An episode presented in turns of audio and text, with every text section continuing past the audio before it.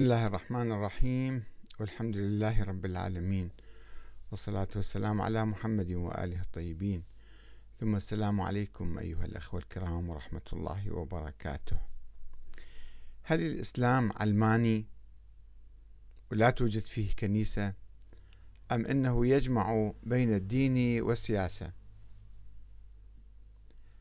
العودة للإسلام القرآني تقضي على استغلال السياسة للدين.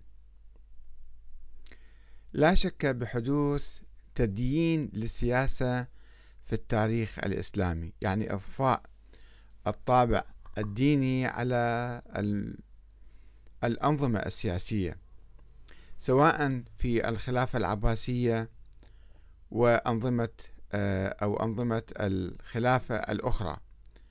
أو في الفكر الشيعي الذي كان يتفاوت في إضفاء الطابع الديني على المجال السياسي. فالإمامية من الشيعة مثلا كانوا يعتبرون الإمام المعصوم المعين من قبل الله بمكان الرسول ويقدسونه. وأما الزيدية وهم فريق آخر من الشيعة فلم يكونوا يؤمنون بالنص والعصمة ولكنهم كانوا أيضا يضفون نوعا من القداسة على الحاكم الزيدي ويحصرون السلطة في البطنين كما يقولون يعني في أبناء الحسن والحسين.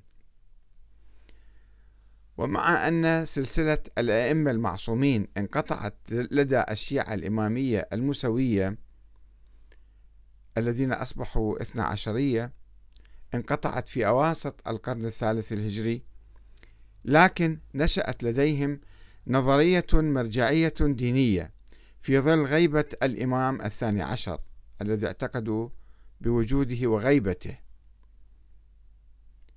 ولم تفتأ المرجعية أن تحولت كانت فقهية وفكرية ولم تفتأ أن تحولت إلى نظرية سياسية دينية تحت عنوان المرجعية الدينية. أو ولاية الفقيه في تطورها أو في طورها الأخير. وبالرغم من ارتكاز نظام الجمهورية الإسلامية الإيرانية على الدستور والفكر الديمقراطي جمهورية إسلامية وتشريعه للانتخابات القيادية بالنسبة للقائد أو ما يسمى القائد يصطلح عليه القائد آه، الذي يعرف بالولي الفقيه ولكن اصطلاحا في الدستور الإيراني يطلق عليه اسم القائد بالفارسي رهبر والرئاسية الجمهورية والبرلمانية. آه، بالرغم من ارتكاز نظام الجمهورية الإسلامية والدستور وتشريعه للانتخابات القيادية والرئاسية والبرلمانية والمحلية إلا أن الثقافة الشعبية والتقاليد التاريخية للمرجعية الشيعية أضفت على النظام الإيراني مسحة دينية أيضا وخاصة بأزياء رجال الدين. وقد حاولت التجربة السياسية العراقية الراهنة منذ 2003 إقامة نظام ديمقراطي علماني بحت لكنها وقعت أسيرة الهيمنة المرجعية الدينية. وهناك مؤشرات كثيرة على على اتجاه الحركات الإسلامية السنية إلى تبني الفكر الديمقراطي والفصل بين السياسة والدين في نظام الحكم. يعني نظام الحكم يصبح نظام مدني ديمقراطي. ولكن المحافظة على اسم الإسلامية في هذه الحركات ربما يتيح لها المجال في المستقبل إن حكمت أن تضفي على نفسها ثوبا دينيا يمزج بين الدين والسياسة. وفي الحقيقة لا يمكن للمجتمعات الإسلامية أن تفصل بسهولة بين الدين والسياسة كما فصلت المجتمعات الغربية التي عزلت الدين المسيحي في الكنائس. وذلك لأن الإسلام يحتوي على قوانين عديدة ذات طابع سياسي. إلا أن نكفر بالإسلام لا سمح الله مثلا. مثل الأوروبيين وهذا غير صحيح وغير ممكن.